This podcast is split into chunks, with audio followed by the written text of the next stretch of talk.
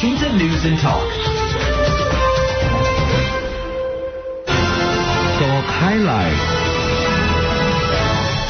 Ya mendengar seperti yang kami sampaikan di awal bicara soal penyelenggaraan ibadah haji, ada Badan Pengelola Keuangan Haji Republik Indonesia atau BPKH yang dibentuk berdasarkan Undang-Undang Republik Indonesia. Nah, dengan tujuan meningkatkan kualitas penyelenggaraan ibadah haji. Nah, pagi ini kita akan bahas bersama anggota Badan Pelaksana Badan Pengelola Keuangan Haji BPKH Pak Indra Gunawan yang sudah tersambung bersama kami di Zoom dan kami buka pertanyaan hanya melalui uh, SMS WhatsApp ya, uh, hanya buka melalui SMS dan WhatsApp. Jadi silakan nanti Anda bisa sampaikan pertanyaan melalui SMS atau WhatsApp di 081 1806543. Saya langsung sapa Pak Indra Gunawan. Halo, selamat pagi Pak Indra. Selamat pagi Mas Wiryo, sehat semua? Alhamdulillah, sehat semua Pak Indra. Waalaikumsalam warahmatullahi wabarakatuh. Ya Pak Indra, di awal tadi saya sudah menjelaskan mengenai Badan Pengelola Keuangan Haji ya. Ini kan rame karena ada kenaikan ongkos biaya haji. Bisa dijelaskan lebih dulu seperti apa sih sebetulnya tugas dan fungsi BPK ini Pak Indra? Baik, sesuai Undang-Undang 34 nomor 2014 yang tadi sampaikan Mas Wiryo, jadi Badan Pengelola Keuangan Haji itu didirikan untuk tiga misi utama tadi ya, hmm. untuk menjadikan pembiayaan haji itu rasional, kedua juga uh, efisien, tapi juga uh, dalam hal itu uh, tetap meningkatkan pelayanan ibadah haji hmm. dan memberikan nilai maslahat kepada umat uh, bangsa Indonesia. Kira-kira itu sih summary-nya. Hmm. Uh, sejak tahun uh, 2018 jadi undang-undangnya 2014, kemudian kepengurusan pertama itu dilantik oleh Presiden Jokowi uh, Juni 2017 dan uh, secara perlahan ya dana haji itu yang tadinya dikelola oleh Kementerian Agama dialihkan ke Badan Pengelolaan Haji dan selesai itu kira-kira September Oktober 2018 kami menerima dana haji itu tahun eh, 2018 bulan September itu kira-kira 97 eh, triliun rupiah. Hmm. Dan hari ini alhamdulillah dana haji tumbuh secara aman ya, tidak ada yang eh, dianggap tadi pada hutang atau ada kewajiban yang belum dibayar atau eh, dana yang tidak liquid karena kami menempatkannya dalam portfolio investasi itu sebesar 71 persen atau 112 triliun rupiah dan sisanya itu kira-kira hampir 30 persen atau kira-kira 58 triliun itu di perbankan syariah dalam bentuk deposito yang liquid. Demikian Mas Suryo ilustrasinya saat ini yeah. dan haji. Oke okay, baik. Nah sebenarnya regulasi dan praktek pengelolaan pengelolaan dana haji serta sistem yang dikembangkan BPKH dalam pengelolaan dana haji di Indonesia itu uh, bagaimana dilakukan? Baik, mandat Undang-Undang 34 tadi mewajibkan BPKH untuk menempatkan seluruh portfolio dalam portfolio syariah. Hmm. Jadi harus uh, sesuai syariah. Yang kedua, kita harus hati-hati, transparan, uh, mengedepankan aspek likuiditas dan juga ya governance ya tata kelola yang baik. Nah seluruhnya ini dibuktikan oleh Badan Pengelolaan Haji dengan uh, mendapatkan predikat wajar tanpa pengecualian dari hasil audit uh, eh, BPK ya uh, Badan Pemeriksa Keuangan Republik Indonesia uh, selama empat tahun berturut-turut ya sejak 2018, 19, 20, 21 dan mudah-mudahan uh, kita akan dapat di, di tahun kelima ini laporan BPK, laporan hasil pemeriksaan di mana WTP itu kan yang tertinggi ya, artinya seluruh uh, penerimaan, pengeluaran, pos-posnya dan lain-lain dapat dapat dipertanggungjawabkan secara uh, prudent ya sesuai tata, tata kelola dan tidak ada yang dianggap uh, penyimpangan atau penyelewengan secara material gitu, Mas. Hmm. Jadi memang sudah sangat detail sekali pengelolaannya dan transparan, kira-kira begitu ya, Pak Indra ya? Uh, kami bisa sampaikan misalnya ya, Mas Suryo, hmm. uh, sejak BPKH hadir itu uh, kan kami punya tugas tadi memberikan nilai manfaat. Yeah. Nah, nilai manfaat itulah yang orang sering sebutnya subsidi kurang tepat karena memang itu bukan dari negara ya karena subsidi lazimnya itu secara textbook, secara apa kamus bahasa dan lain-lain itu biasanya dikeluarkan oleh APBN gitu ya dalam hal ini. Tapi itu bukan sejatinya. Jadi Badan Pengelolaan Haji itu dibentuk sebenarnya tidak berdasarkan keuangan negara tapi itu dana publik, dana jemaah. Nah, dari uh, dana yang kita terima sebenarnya sejak 2018 kami sudah memberikan nilai manfaat atau tambalan lah istilahnya ya itu sekitar 6,5 triliun untuk jemaah berangkat di 2018. Hmm. Kemudian eh, di tahun kedua 2019 kami memberikan tambalan juga sebesar 6,8 triliun. Itu jumlahnya antara 50 sampai 55 persen dari porsi uh, biaya yang dikeluarkan yang sudah uh, tembus angka 70 juta per jemaah waktu itu. Hmm. Jadi kira-kira 35 35 lah porsinya. Yeah. Ya. Uh, yang disetor oleh jemaah kan setoran awal itu 25 juta ya, Mas.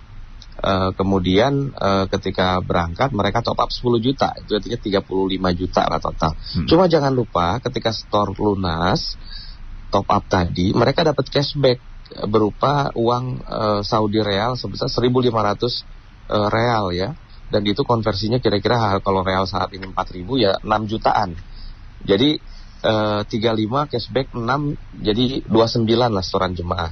Nah enam setengah triliun 6,8 triliun itu yang kita sampaikan uh, adalah nilai manfaat tambalan. Jadi kita sudah bantu. Dan ini ya. terjadi sebenarnya sejak tahun 2010 gitu. Tahun 2010 sudah mulai ada kira-kira tambalan 15 persen kemudian 2011 dua, uh, 20 persen dan seterusnya naik sampai uh, apa kan 2020 dan 2021 tidak ada keberangkatan haji ya dari di luar Saudi. Memang tidak ada tambalan subsidi, jadi dana haji kira-kira mengendap lah dan aman tapi masih tumbuh. Nah di tahun kemarin 2022 kita itu memberikan tambalan nilai manfaat kira-kira lima setengah triliun. Loh, kok Mas Indra lebih kecil itu? Iya, betul, karena porsinya cuma setengah kan. Kuotanya diberangkatkan setengah dari kuota normal sejatinya itu tambalannya itu hampir 11 triliun kalau kuota no, kuota normal 221 ribu. Jadi tambalan itu uh, kalau diakumulasikan selama ini kita udah keluar hampir 20 triliun uh, Mas uh, apa Suryo. Hmm. Nah, di luar itu kami juga memperhatikan itu kan jamaah berangkat ya 220 sampai 231 ribu tuh. Tertinggi memang jemaah berangkat 2019 hmm. uh, 6,8 triliun tambalan kita. Eh, lima setengah triliun itu indikasi bahwa nilai uh, keberangkatan jemaah biayanya itu realnya sebenarnya sudah hampir 99 juta. Sekarang gini, saya ingin tanyakan ke Mas Wiro, kalau Mas Wiro kira-kira uh, umroh sekarang berapa pasarannya untuk 10 hari? Stay di uh, Saudi. Iya, antara 29 30 ya. Betul. Nah, ketika 30 itu 10 hari, maka apakah haji itu itu kira-kira berapa? Karena 40 hari dikali 4 aja simpelnya. Mm-hmm. Nah, fakta ini yang tidak diketahui publik, uh, biaya umroh aja sudah naik uh, eksponensial, uh, haji apalagi. Makanya eh, tahun 2022 itu kami lima setengah dan ketika kami hadir sejak 2018 hampir rata-rata kita sampaikan 2 triliun rupiah per tahun kepada jemaah tunggu juga. Nah jemaah tunggu hari ini sudah 5,3 juta jemaah. Jadi kalau dibagi rata, kami sudah bagi rata itu 8,4 8,5 triliun itu setara dengan 1,8 juta. Jadi setoran jemaah sekarang kalau dicek di saldo mereka hari ini di bank itu sudah tumbuh jadi 26,8 juta. Nah, itulah yang kita bagikan kepada jemaah. Di luar itu ada dana operasional BPKH yang tersisa karena kita efisien, kita kembalikan hampir satu triliun dan dana abadi umat itu juga 1,1 triliun. Totalnya hampir 30 triliun, Mas, eh, apa cash transfer oleh BPKH. Iya. Ya. Eh, di samping itu sisanya, saya tambahkan lagi dikit lagi. Hmm. Masih ada sisa karena kan kalau orang-orang sering tanya 25 juta kita apakah aman Pak Indra? Apakah masih ada? Ada. Karena terbukti kalau 25 juta dikali 5,3 juta jamaah antri itu kan 132,5 triliun. Oke. Okay. Dan ini jumlahnya hari ini saldonya 166. Jadi masih ada bahkan ada tabungan 33,5 triliun. Dan kami siap sebenarnya atas keputusan uh, apa dari uh, eh, DPR RI maupun Kementerian Agama dan Kepres dari Presiden untuk memberikan nilai manfaat kembali di tahun ini bagi jemaah yang berangkat. Hanya memang harus adil dan uh, berkelanjutan untuk jemaah tunggu 5,3 juta itu. Ya. Demikian Mas Oke, okay, baik. Nah, Pak Indra barangkali yang perlu dijelaskan ke masyarakat ya khususnya jemaah adalah soal nilai manfaat. Nilai manfaat ini apakah uh, itu berasal dari mana? Apakah nilai manfaat itu sama dengan misalnya orang menyimpan uang di bank maka ada bunga. Nah, itu yang dimaksud nilai manfaat sehingga jamaah sudah uh, apa uh, mendapatkan nilai manfaat dari dana yang sudah dia bayarkan sejak awal misalnya. Baik. Tadi ya, uh, kalau dihitung uh, jamaah store 25 juta itu kan total generalnya kira-kira uh, kalau dikali 5,3 juta jemaah yang sudah bayar itu saldonya 132,5. Saldo saat ini di BPK itu 166. Jadi ada 33,5 triliun tabungan atau itulah nilai manfaat yang kita akumulasikan gitu Mas Wiryo. Hmm. Tapi jangan lupa nilai manfaat itu long way sejak 2010 itu sudah di uh, cash transfer kepada jamaah berangkat. Nah, jadi uh, kalau konsep asuransi atau dana pensiun itu kita simpelnya ada konsep uh, nilai manfaat yang diberikan untuk manfaat pasti bagi jemaah yang berangkat ada nilai iuran pasti yang diberikan sebagai tabungan. Nah itu tadi yang saya sampaikan ada nilai manfaat virtual account kita sebar ke seluruh jemaah 5,3 juta jemaah dengan jumlah 8,5 triliun tadi dan ada tabungan juga jadi masih aman sebenarnya jadi returnnya ada mas nilai manfaat dari dana yang dikelola di, di, di apa di uh, lakukan investasi uh, optimalisasi oleh BPKH. Demikian, Mas. Hmm, Oke, okay, baik. Nah, uh, berbicara soal subsidi haji ya, uh, soal subsidi haji, optimalisasi pengelolaan keuangan haji sejauh ini seperti apa sih Pak subsidi yang diberikan kepada calon jemaah haji? Seperti apa perbandingan uh, biaya dan subsidi haji di Indonesia dengan negara negara lain misalnya? Oke, okay. saya ada data dan memang ini dicilakan dicek oleh uh, beberapa teman-teman yang lain juga uh, pola saya nggak saya hindari istilah subsidi karena bukan dari negara sekali lagi hmm. pola tambalan ya tambalan nilai manfaat ini dilakukan kalau saya data historisnya ada di sejak 2010 jadi awalnya 4,5 jutaan saja atau kira-kira 13 persen jumlahnya dari jadi kalau total biaya itu 50 juta uh, jemaah uh, maaf total biaya 40 juta 2010 jemaah store 35 juta kemudian eh, tambahan nilai manfaatnya disebutkan 4,5 juta. Eh, tapi jangan lupa tadi eh, top up-nya itu ada cashback juga, jadi dihitung. Dan ini terjadi porsi 13 persen, 15 persen, 20 persen, 30 sampai hari kemarin eh, di 2022 eh, itu polanya karena nilai real biaya haji itu 98,3 juta itu sudah mencapai hampir 70 persen, Mas. Hmm. Jadi itu yang yang secara rasional eh, kemungkinan akan terjadi pengambilan hak nilai manfaat oleh jemaah berangkat eh, terhadap jemaah yang tunggu antri karena porsinya sudah irasional, hampir tiga kali lipat dari nilai yang eh, dibayarkan. Gitu kira Mas Suryo. Ilustrasinya okay. gitu. Iya. Yeah. Saya bacakan beberapa tanggapan pendengar yang sudah di Betul. atau pertanyaan juga ada uh, Pak Aji di Depok. Pak mohon bertanya Pak usul aja agar BPKH memperbanyak nilai manfaat haji sehingga para jemaah haji tidak perlu bayar mahal-mahal. Ini bagaimana menurut Pak uh, iya. Pak Indra ya? iya. ya? Itu pertanyaan pertama. Kita Betul. dulu Pak. Yang kedua, Silakan. pelayanannya harus lebih baik dong. Ini harapan dari Pak Budi di Pegadungan Kalideres. Kemudian dari Pak Pauji Soleh di Bogor. Kenapa jadi harus mahal sih Pak? Kenapa jadi mahal? Ini apa penyebabnya? Pak Indra silakan. Baik. Uh, jadi kalau saya mulai dari yang kenapa harus mahal. Yeah. Saya sampaikan umroh itu 2010 kan mungkin sekitar 10 jutaan ya Mas. 2010 ya. Hmm. Uh, apa? Saya ingat waktu itu umroh plus uh, Turki itu saya 2013 itu hanya 13 jutaan. Jadi uh, umrohnya waktu itu 2010 10 juta. Hari ini umroh kan tadi 30 uh, juta rupiahan. Tapi itu 10 hari ya. Sekali lagi itu 10 hari. Yang standar biasa ya. Betul, haji 40 hari. Jadi tadi pertanyaan yang ketiga, kenapa harus mahal?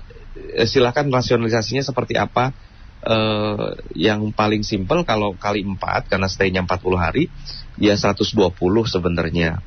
uh, yang dihitung dan diusulkan oleh Kementerian Agama memang akhirnya 98,8 juta. Artinya kalau dikali 4 tadi masih lebih murah. Kalau relatif mahal, ya memang ongkosnya segitu kan ada komponen inflasi, kurs kita juga tinggi. Uh, jamaah Indonesia itu menyetornya dalam bentuk rupiah, bukan dalam bentuk US dollar. Kalau dibandingkan tadi dengan negara tetangga, memang ada pola subsidi ini dilakukan di dua negara tidak hmm. setidaknya yang saya tahu hmm. ada di Republik Indonesia ini uh, dan di Malaysia. Nah, kerajaan Malaysia lewat tabung haji yang sudah dibentuk tahun 60-an itu memang kuat karena mereka sejak lahir sudah diberikan insentif oleh Perdana Menteri Mahathir Muhammad sebagai pendirinya uh, untuk berkantor dan difasilitasi oleh uh, apa otoritas keuangan negara dan seterusnya. Nah, Badan Pengelolaan Haji itu tidak punya modal sehingga tadi nilai manfaat yang dituntut oleh publik untuk tinggi itu wajar menurut saya. Hanya kalau kita belajar uh, te, apa textbook di high risk high return. Jadi resiko apa uh, resiko tinggi memang harus disiapkan untuk men, mendapatkan return yang tinggi apakah eh, nanti jemaah itu siap ya ketika menerima kenyataan ternyata kita kejar resiko tinggi tapi hmm. uh, ternyata ada kerugian. Ya. Jadi kita memang harus cari profil resiko yang aman, yang secure dan hari ini sebenarnya nilai manfaat return BPKH itu kalau diinvestasi 7,8 persen mas.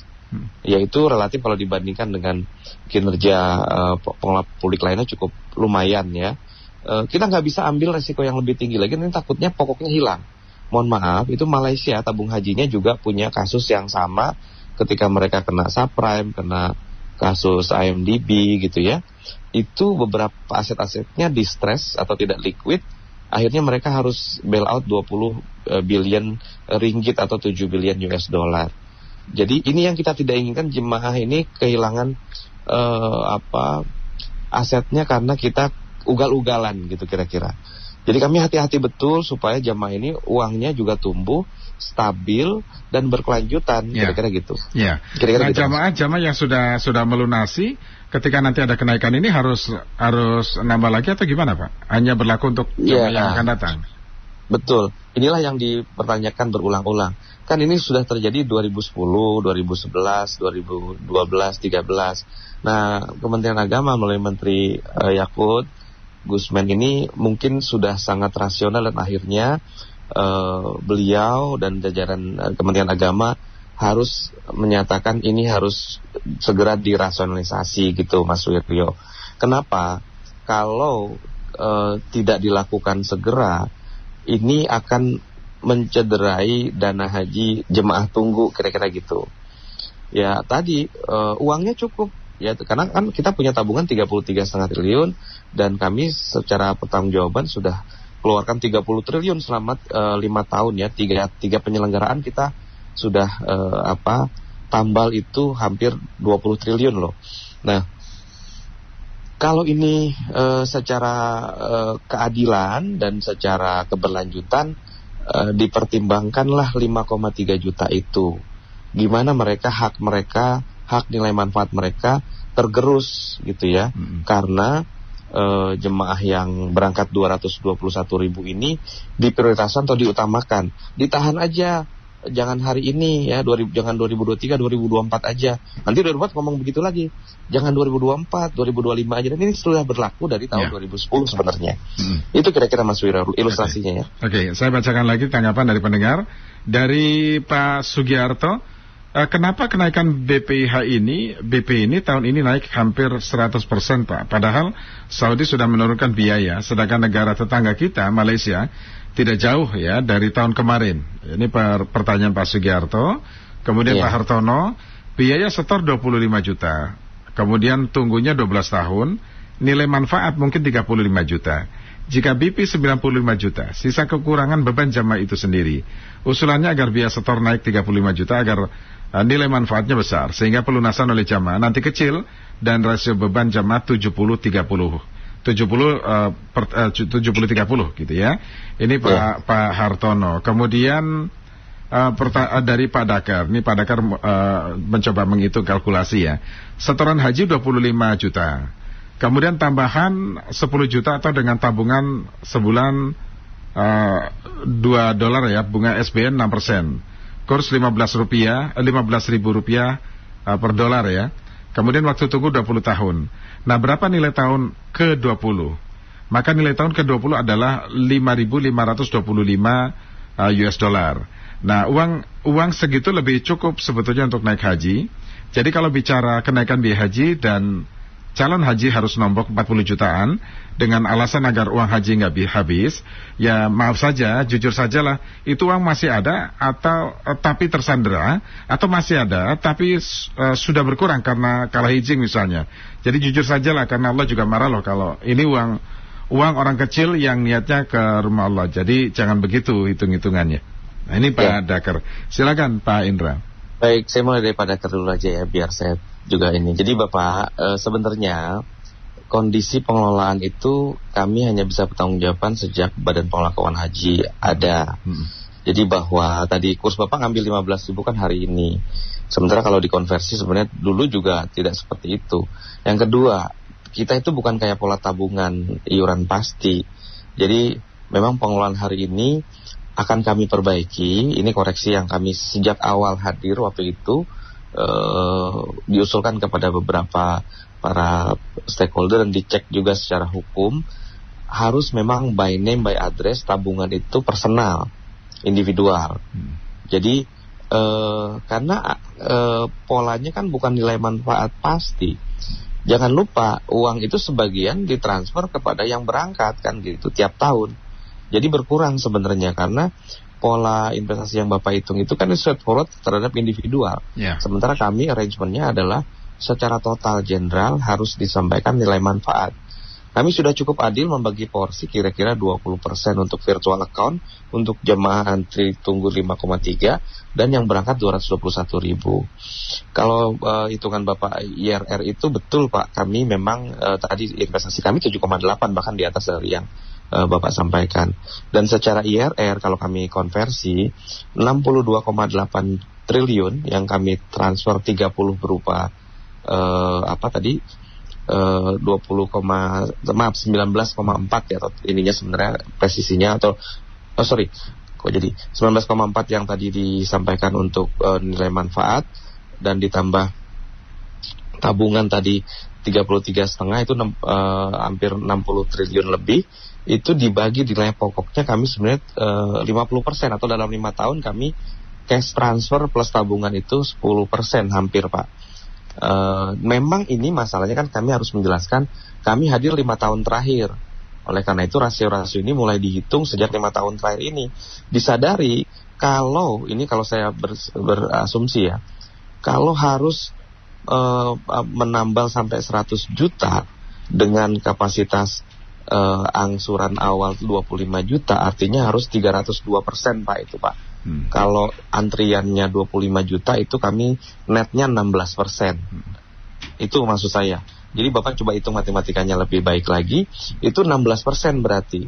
Nah, di mana investasi 16 persen yang aman, tidak boleh rugi karena BPK ada pasal uh, kerugian atas tanggung renteng. Jadi uh, pengurusnya harus berkewajiban mengganti itu Pak. Uh, ini yang tidak diketahui publik. Kami juga adalah lembaga pengelola dana publik satu-satunya yang tidak diberikan modal atau APBN oleh pemerintah uh, sepeser pun. Ya, tidak ada laba ditahan atau cadangan yang bisa kami bentuk untuk mengantisipasi kemungkinan kerugian investasi. Jadi dengan keterbatasan itulah uh, eh, BPKH secara finansial memang sudah mencoba mengoptimalkan, merasionalisasikan ini kepada banyak pihak. Hmm. Itu kira-kira Pak. Oke, okay. baik. Nah, apa dampaknya apabila biaya haji tidak naik Pak? Maksudnya uh, eh, BP ya? Iya, BP. Setoran uh, jemaah. Kami siap tadi sekali lagi, apa pun keputusan uh, yang diambil oleh uh, DPR, pemerintah atau dalam hal ini juga presiden, hmm. kami siap karena kami tugasnya adalah memberikan nilai manfaat kepada jemaah. Hmm. Nah, cuma definisi jemaah ini yang harus kita ini kan Mas Suryo. Hmm. Jadi saya juga punya ya uh, apa uak gitu ya uh, yang juga antri gitu ya. Selama sama sudah dari 2010 usianya 75 tahun. Beliau tanya ke saya, "Ah, kok mah ya mau berangkat gitu bahasa Sunda ya?" Hmm. Uh, iya, Wak, memang ini uh, dipilih oleh Kementerian Agama karena memang sudah dihitung. Uh, jadi kumaha saya, jadi saya harus berapa? Nah ini tunggu keputusannya. Uh, nah itu kan satu sampel. Ada juga yang bilang Pak Indra kasihan itu petani nelayan. Iya, saya juga tahu saya empati bukan saya tidak empati. Cuma bagaimana saya menjelaskan ke umat, ke publik bahkan nanti juga uh, ketika ada di Yaumul Hisab, Yaumul Mahsyar menjawabnya, kenapa Anda memberatkan hanya 221 ribu jemaah ini saja, compare, bandingkan ada 5,3 juta yang antri, itu juga nelayan, itu juga petani, itu juga uak dan saudara saya juga mungkin, atau bahkan mungkin ada Pak Suwiryo di situ, ada Indra Gunawan. Saya juga antri mas dengan keluarga, dengan enam anak, eh, dengan empat anak saya berenam eh, sejak 2018 untuk bisa berangkat sama-sama keluarga. Uh, artinya kita harus mengambil perspektif umat yang lebih besar untuk keberlanjutan. Uh, sekali lagi, jika dipilih uh, pilihan yang ini, kami siap karena uangnya masih ada. Tapi remainingnya akan uh, surut gitu ya, sisanya akan surut dan bagaimana nanti nasib jemaah yang tunggu? Kira-kira gitu pertanyaan saya. Mm -hmm. Oke. Okay. Dari Pak Andri di Medan, kuota haji 2023 ini kan ditambah Pak menjadi normal. Maka agar nilai manfaat haji juga ditambah Pak supaya nggak memberatkan jemaah untuk nambah biaya. Kan dari awal akadnya seperti itu. Kok detik-detik keberangkatan malah dinaikkan. Ini mohon agar so ada solusi karena kenaikannya besar loh. Kita bingung juga nih. Nelayan, petani begitu ya yang sudah mengumpulkan iya. uangnya nggak cukup. ini gimana nih Pak? Iya, ya tadi saya sudah jelaskan berulang-ulang. Nilai manfaat itu sudah besar Pak. Jadi sejak BPK kami bisa sampaikan hampir tembus dua double digit karena ada cash transfer nilai manfaat untuk jemaah berangkat dan juga ada tabungannya. Totalnya 62,8 nilai tambah itu Pak e, dibagi 132,5 itu 9,8 triliun Pak. Hmm. Eh 9,8 persen maaf. Jadi e, poin saya nilai manfaat ditambah berarti ada persiapan kerugian karena siklus bisnis itu rugi. Ada rugi ada untung maaf. E, jadi kami mencari fitur yang aman, yang juga uh, kemungkinan stabil. Setiap bulan kami bisa prognosa Pak dengan fitur yang 7,8 persen tadi itu uh, apa uh, bulan Januari, Februari nilai manfaatnya bisa dijamin aman dan sudah recurring bahasa investasinya. Mm -hmm. Nah, sementara kalau nilai tambah dong Pak tambah, iya apakah Bapak siap jika tiba-tiba diumumkan ada kerugian karena kita investasi terlalu ugal-ugalan kira-kira gitu. Kita sangat hati-hati, kita belajar dari Jiwasraya, kita belajar dari uh, pengelola dana publik lainnya, uh, dan kita pahami ini, nilai manfaat ini memang tidak bisa tinggi karena memang ibarat mengelola premi, preminya hanya 25 persen, sementara nilai pertanggungannya tidak terbatas. Setiap tahun naik gitu Pak Wiro ya hari ini 100 juta uh, mampir ya atau 25 top up sampai 100 persen kan gitu ilustrasi saya. Karena kan uh, ya bukan 35 yang kami kelola. Bisa jadi memang nanti sebaiknya pendaftaran awal itu naik pak supaya bisa lebih rasional dan adil juga untuk jemaah yang lain. Gitu pak. Hmm. iya lah seperti apa pak skema pembiayaan ibadah haji bagi uh, jamaah tunggu ya yang berkeadilan tentunya bagi jamaah tunggu ya dan yang berkelanjutan. Baik, tadi saya sampaikan sejak BPK hadir sejak 2018, kami secara rutin menyampaikan nilai manfaat uh, virtual account ke individual. Jadi 5,3 juta jemaah itu bisa dicek saldonya hari ini sudah 1,8 juta tambah.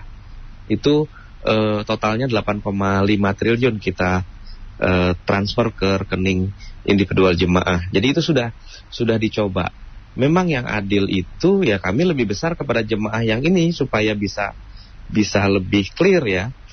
Majelis Ulama Indonesia, Profesor Kiai Astronom kemarin keras Pak menyampaikan gini. Nanti pemerintah itu harus bertanggung jawab loh. Kalau ada hak ya yang diambil dari jemaah tunggu karena memprioritaskan jemaah berangkat hari ini. 5,3 juta itu kalau di nanti padang masyar akan menuntut kira-kira begitu. Hmm. Bagaimana sih ini nggak rasional gitu ya? Makanya kami sudah mengantisipasi sejak awal kalau bisa porsi nilai manfaat antrian itu lebih tinggi. Jadi apa e, lebih jelas nanti porsinya siapa sih uangnya harta siapa ini gitu ya tidak ada hak yang diprioritaskan lebih dulu gitu karena ini kan kalau dilakukan seperti ini tidak rasional gitu yeah. pak Ya. Lalu pertimbangan apa Pak yang uh, menjadi landasan dalam menentukan nominal ya biaya haji? Oke, komponen biaya haji itu kan memang domainnya di Kementerian Agama hmm. dan saya rasa Kementerian Agama sudah menjelaskan di media, di publik dan ini domain sekali lagi tupoksinya berbeda antara Badan Pengelolaan Haji uh, yang hanya punya kewenangan untuk mengurusi aspek finansial.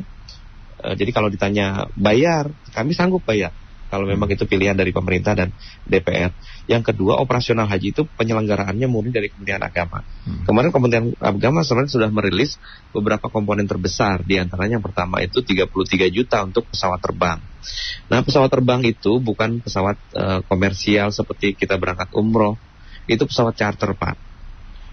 Jadi karena ada peraturan dari General Authority of Civil Aviation itu untuk jemaah yang diberangkatkan di 30 ribu ke atas harus direct. Ya direct flight. Tidak boleh transit. Hmm. uh, ini peraturan yang dibikin ya. Ini memang sebenarnya peraturan bisa dirubah sebenarnya tapi itu yang kami terima. Kemudian yang kedua runway akhirnya terbatas kalau memang uh, 30 ribu itu harus direct dan apa uh, jemaah yang uh, mendapatkan porsi di atas 30 uh, ribu kuota itu harus stay sampai 40 hari karena antrian slot runway bandara yang tersedia di King Abdul Aziz dan di Madinah.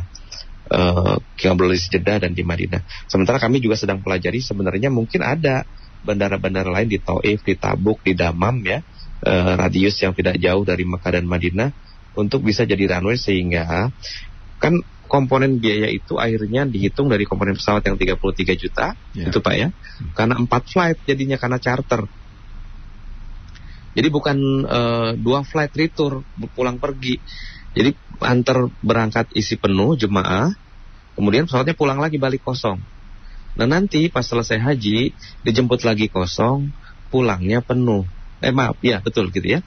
Jadi empat flight kita bayar. Itulah kenapa tagihannya 33 karena afturnya eh, apa dikonsumsi dianggap empat flight. Ini juga yang kita sedang pelajari. Apakah runway itu eh, memungkinkan kita untuk shorten duration uh, for stay untuk tinggal tidak 40 hari. Ya kan tadi kenapa Bapak milihnya 40 hari kan harusnya bisa lebih uh, pendek. Nah, itu juga sedang dikaji dan kami juga uh, meminta masukan para uh, masyarakat, para pakar, sebenarnya secara fikih juga kan tidak perlu 40 hari. Yeah. Karena ritual haji itu cuma enam hari basically ya. Mm. Tinggal di Arafah, Mina, Muzdalifah dan seterusnya. Ini kita agak dalam dikit nih. Mm. Nah, komponen-komponen itu sebenarnya bisa diturunkan.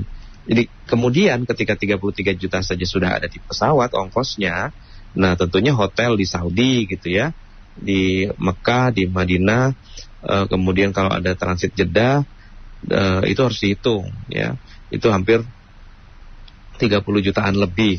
Kemudian ada konsumsi, kita juga uh, diberikan konsumsi uh, usulan dari Kementerian Agama itu 50 kali makan. Hmm. Ya, selama di Armina dan transit-transit itu diberikan uh, catering. Hmm. Uh, terus kemudian uh, terakhir masyair. Masyair ini masa di uh, Mina, uh, Muzdalifah dan Arafah. Itu di tenda di tenda itu komponennya naik hampir uh, kemarin 16 juta jadi 23 juta lebih. Nah kalau disampaikan tadi tidak ada kenaikan layanan, layang dimasuk layanan ini masyair sebenarnya. Jadi layanan selama di Armina. Kalau yang layanan hotel, catering itu naik semua Pak Suwirjo karena kita hmm. tahu secara global kan inflasi juga tinggi. Saudi sudah menetapkan pajaknya 17 persen, 17 setengah maaf, sudah mulai kena pajak sebenarnya semua biaya haji dan juga biaya hotel dan segala macam. Uh, yang terakhir itu ada cashback 1.500 real tadi uang saku ya. sebesar 6 juta rupiah. Hmm. Jadi kalau boleh dibongkar-bongkar sebenarnya apakah mungkin misalnya runway ada dan kita tidak stay 40 hari sehingga terpangkas sebagian kan gitu ya Pak Swire ya. ya, ya. Hmm. Uh, jadi turun misalkan ada yang uh, usulan beberapa anggota DPR 30 hari aja Mas hmm. atau 20 hari. Uh, kemudian cateringnya juga nggak usah kan udah dapat uang saku gitu ya. Hmm. 6 yeah. juta itu lebih loh untuk beli oleh-oleh, untuk makan dan seluruh seluruhnya. Yeah. Ya. Uh, karena kata jemaah, oh bosan mas kalau mas masakan catering yang disediakan katanya menunya uh, terlalu seragam dan lain-lain. Nah rasionalisasi ini harus diskusikan dan dipertimbangkan oleh Kementerian Agama dan DPR. Jadi kami bukan domain di situ, tapi kami mendapatkan informasi demikian dan harapannya ada masukan-masukan yang uh, jitu, formulasi yang tepat, pertimbangannya sehingga uh, biaya haji itu bisa ditekan lebih murah lagi. Hmm. Gitu, Mas okay. Nah, uh, saya bacakan lagi tanggapan dari Pak Sulistio. Pak Sulistio, sisi niat ibadah dari sekian umat yang sudah menunggu lama harus dicari solusi uh, minimal tahun depan agar terjangkau. Misal dibuat paket yang lebih padat singkat, yang penting rukun haji terpenuhi. Kemudian uh, haji saya hanya berdoa semoga ada win-win solution yang bisa disepakati semuanya sehingga tidak tidak terjadi apa oh iya silang pendapat yang justru membingungkan jemaah. Kemudian dari Bu Ningsih di Semarang, saya setuju saja jika itu kebaikan masyarakat Indonesia. Ya, kemudian nilai manfaat yang faktanya akhirnya tidak bermanfaat bagi para calon haji yang sudah menunggu lama 20 sampai 30 tahun. Ini menurut Pak Catur ya, apa iya nilai manfaatnya seperti seperti itu. Kemudian uh, Pak Indra, Pak Syafri di Surabaya, saya apresiasi Pak Indra juga ikut antri. Apa mungkin yang uh, tahun ini dan tahun-tahun ke depan biayanya tetap sama Pak? Nah, namun yang dua tahun ke depan mungkin bisa disesuaikan sehingga kebijakan nggak terlalu mendadak. Bisa ya Pak yang seperti itu? Kemudian uh, dari Pak Andra di Medan kuota haji 2023 ini kan naik ya, jadi normal dan mohon agar nilai manfaatnya juga bisa normal kembali. Nah, kira-kira ini beberapa tanggapan pendengar. Silakan ditanggapi. Iya. Jadi kalau kuota ini antrian tadi saya lupa uh, detail ke perbandingan dengan negara tetangga di Malaysia ya. Yeah. Uh, jadi gini Pak, antrian kuota haji itu di define berdasarkan uh, apa uh, pertemuan negara-negara konferensi Islam, organisasi konferensi OKI ya kemudian dengan uh, kerajaan Saudi ditentukanlah bahwa uh, karena karena venue atau tempatnya di Arafah uh, puncak ibadah haji maka itulah tempat yang dinyatakan sebagai limit dari kuota maksimum. -hmm. Jadi uh, saya simpelnya mungkin 4 juta orang kira-kira yang hadir di situ gitu ya. Hmm. Kalau lebih kan nanti kayak GBK atau Kanjuruhan gitu ya. Alhamdulillah amit-amit jadi over kuota dan akhirnya ada kecelakaan, tidak aman dan seterusnya. Jadi 4 juta itu berdasarkan populasi muslim dunia 4 miliar. Nah dibagilah rumusnya dibagi seribu pak. Jadi Indonesia itu dapat 221 ribu karena 221 juta. Malaysia 30 ribu kuotanya karena 30 juta uh, populasi muslim. Nah Malaysia itu ada pola yang ini karena antrian di Malaysia tuh saya sampaikan ke Bapak Ibu sekalian itu 120 tahun sampai 146 tahun. Kebayang nggak Pak? Hmm. Karena 30 ribu kuota mereka yang mendaftar hampir 10 juta orang antriannya Pak ya. Jadi makanya servis Malaysia itu kan bisa ada paket 40 itu paket layanan perunggu pak. Bronze gitu ya. Hmm. paling rendah paket ekonomis lah gampangnya. Memang ada subsidinya tapi mungkin tinggalnya tidak dekat dengan haram uh, tapi ada bis gitu ya. Uh, jadi paket ekonomis lah. Mereka bisa bikin tiring layanan sesuai dengan uh, dana yang tersedia dari jemaah. Uh, kok bisa? Karena memang mereka sudah antri hampir lebih lama ya.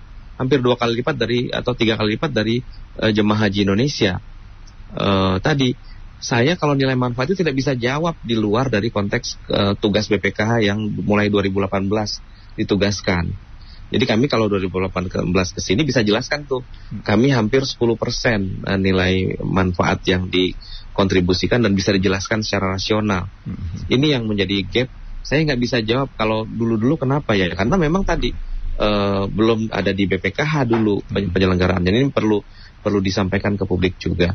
Hmm. Jadi kalau boleh, uh, memang kuota itu otomatis kalau 5,3 juta jemaah antri di Indonesia dibagi 221 itu 26 tahun. Nah tadi saya udah hitung kalau pakai pola nilai manfaat tambalan itu dibiarkan 100 juta, kami harus cari uangnya 16 persen IRR-nya. Nah ini kalau cari yang 16% jadi high return itu pasti high risk. Ya tahun ini 16%, tahun depan bisa minus 20%. Biasanya ya. begitu Pak, karena volatilitas siklus uh, risikonya itu yang ya. harus saya sampaikan ke publik juga. Baik, saya sampaikan uh, pertanyaan pendengar satu karena ini banyak sekali yang menyampaikan iya. pertanyaan. Ya. Ini saya tulis ya. secara acak. Pak Muji di Palembang, saya pernah baca Pak sekilas ya, kalau tidak dinaikkan biaya hajinya, maka jemaah haji tahun depan akan lebih mahal. Ini maksudnya apa ya Pak Indra? Iya, jadi tadi saya ilustrasinya gini. Sekarang saya biar simpel aja ya. Kan kami sudah sampaikan tadi sejak BPK hadir sudah ada hampir 62 triliun eh, apa nilai manfaat yang 30 pertama disebar, yang 33 eh, kedua itu ditabung. Hmm. Makanya saldo saat ini dana hajinya 166 kalau uh, eh, 25 juta aja kan sebenarnya kami ada juga mengindikasi kan ada 2012 tuh ke bawah ada yang nyetornya nggak 25 juta Pak ada 20 mungkin lebih kurang dari itu gitu ya. Tapi kami gross apa saja rata-rata anggap saja jemaah ini setornya 25 dikali 5,3 itu 132,5 ini hitung-hitungannya ya. Hmm. Jadi ada 33,5 tabungan, betul kan Pak Suryo ya? Nah, kalau 33,5 ini kami bagi semua, hari ini udah e, Bapak Ibu nilai manfaat dibagi rata gitu ya. Itu hanya 6 juta 500 rupiah Pak. Hmm. Ya. ya. Kalau mau rata ya. Jadi artinya kemampuan bayar jemaah seluruhnya itu 31,5 juta. Hmm. Sementara biaya 100 juta. Makanya ilustrasinya, kalau hari ini ditahan dan diutamakan yang berangkat hari ini, uh, maka yang besok akan menanggung lebih besar uh, ininya uh, tambalannya. Hmm, hmm. Tapi kalau mulai agak seimbang formulanya, memang saya termasuk yang secara pribadi ya memang bertahap. Saya ya. setuju harus bertahap. Jadi dikasih kesempatan supaya pelan-pelan, lama-lama kan ini kan sudah terbuka ya datanya dan seterusnya. Kita sudah sadar semua ternyata selama ini pengelolaannya kurang tepat. Karena kan ini kayak apa uh, kalau kita mau maaf nih buang air kecil kita tahan-tahan terus gitu dari 2010 gitu ya uh, udah tahan aja hari ini tahan aja besok aja besok nah ini lama-lama tentunya akan membuat uh, kencing batu yang terakumulasi nanti sakit dan bleeding dari jadi jadi penyakit gitu ya ini yang uh, kita tidak ingin jadi uh, problema di depan gitu kira-kira isolasi pak kalau kalau kita utamakan yang sekarang ya Artinya hampir 11 triliun itu keluar lagi tabungannya hmm. dan sisanya 20 triliun. Ya. Okay. 20 triliun itu kalau dibagi lagi ke jemaah pasti lebih kecil hmm. nilai manfaatnya. Ya. Jadi kalau ditanya kenapa nilai manfaatnya lebih kecil karena diberikan kemarin-kemarin itu kepada yang sudah berangkat Bapak. Hmm. Itu yang saya mau ngomong sih cuma nggak enak nih kepada alumni haji yang lalu gitu. Silahkan tagih karena mereka sudah menikmati luar biasa. Apalagi yang paling mewah itu memang tahun 2022 Pak itu hampir 70 juta. Termasuk dengan cashback tadi ya. Kira-kira gitu Pak Baik. Pak Indra terima kasih sudah bersama kami Pak Indra. Uh, baik sama-sama. Pak Widodo saya juga minta maaf lahir batin. Kami sekali lagi secara finansial bisa menja apa, menjelaskan mempertanggungjawabkan karena tupoksi kami finansial. Hmm. uh, selama lima tahun kami jelaskan tadi ya kami sudah bisa memberikan cash transfer plus hmm. tabungan itu total agregatnya hampir 10% nilai manfaat yang kami bisa uh, berikan tapi kenapa kok jadi uh, uangnya dikemanakan? Ya itu Pak, uangnya sudah diambil oleh jemaah yang berangkat kemarin, kira-kira gitulah. Karena kami tambal dari 2010, saya ulang lagi Pak ya, biar uh, clear yang Berarti jemaah yang kemarin marah loh Pak. Iya, ya tapi memang betul. Maksud saya gini, kan kan ditambal 4 juta, kemudian 5 juta, 6 juta, 10 juta. Ya, kalau dia kan kalau jamaah kan hanya menerima ya, karena kan uh, tetap dari BPKH yang ngatur bagaimana supaya Nah, nah kami baru baru bisa punya kewenangan itu 2018 Pak. Gitu. Jadi kalau diakumulasi mungkin sudah ratusan triliun itu di eh, apa di, diberikan kepada yang sudah antri lama. Karena kan tidak ada kenaikan Pak sejak tahun 2010. Hmm. Uh, saya tadi bandingkan dengan umroh yang tahun 2010 itu 10 juta, yeah. hari ini 30 juta, tiga kali lipat. Yeah. Nah kalau haji waktu itu saat itu berangkat 40 juta, hmm. betul, betul Pak 40 juta berangkatnya, tapi kan uh, eh, 12 tahun kemudian kan dikali tiga aja simpelnya seperti itu. Ya, Oke, okay. baik. Pak Indra terima kasih sudah bersama hmm. kami Pak Indra. Selamat pagi ya. Pak Indra. Baik sama-sama terima kasih banyak maaf lahir batin. Semoga sehat semua. Semoga kita semua bisa memberikan berkah dan juga uh, tadi nilai manfaat tambah bagi semua umat. Baik. Terima yang kasih. Tentunya lebih berkelanjutan. Terima kasih Pak Rio. Assalamualaikum Waalaikumsalam warahmatullahi wabarakatuh. Pendengar demikian tadi, anggota Badan Pelaksana Badan Pengelola Keuangan Haji BPKH Indra Gunawan. Talk Highlight.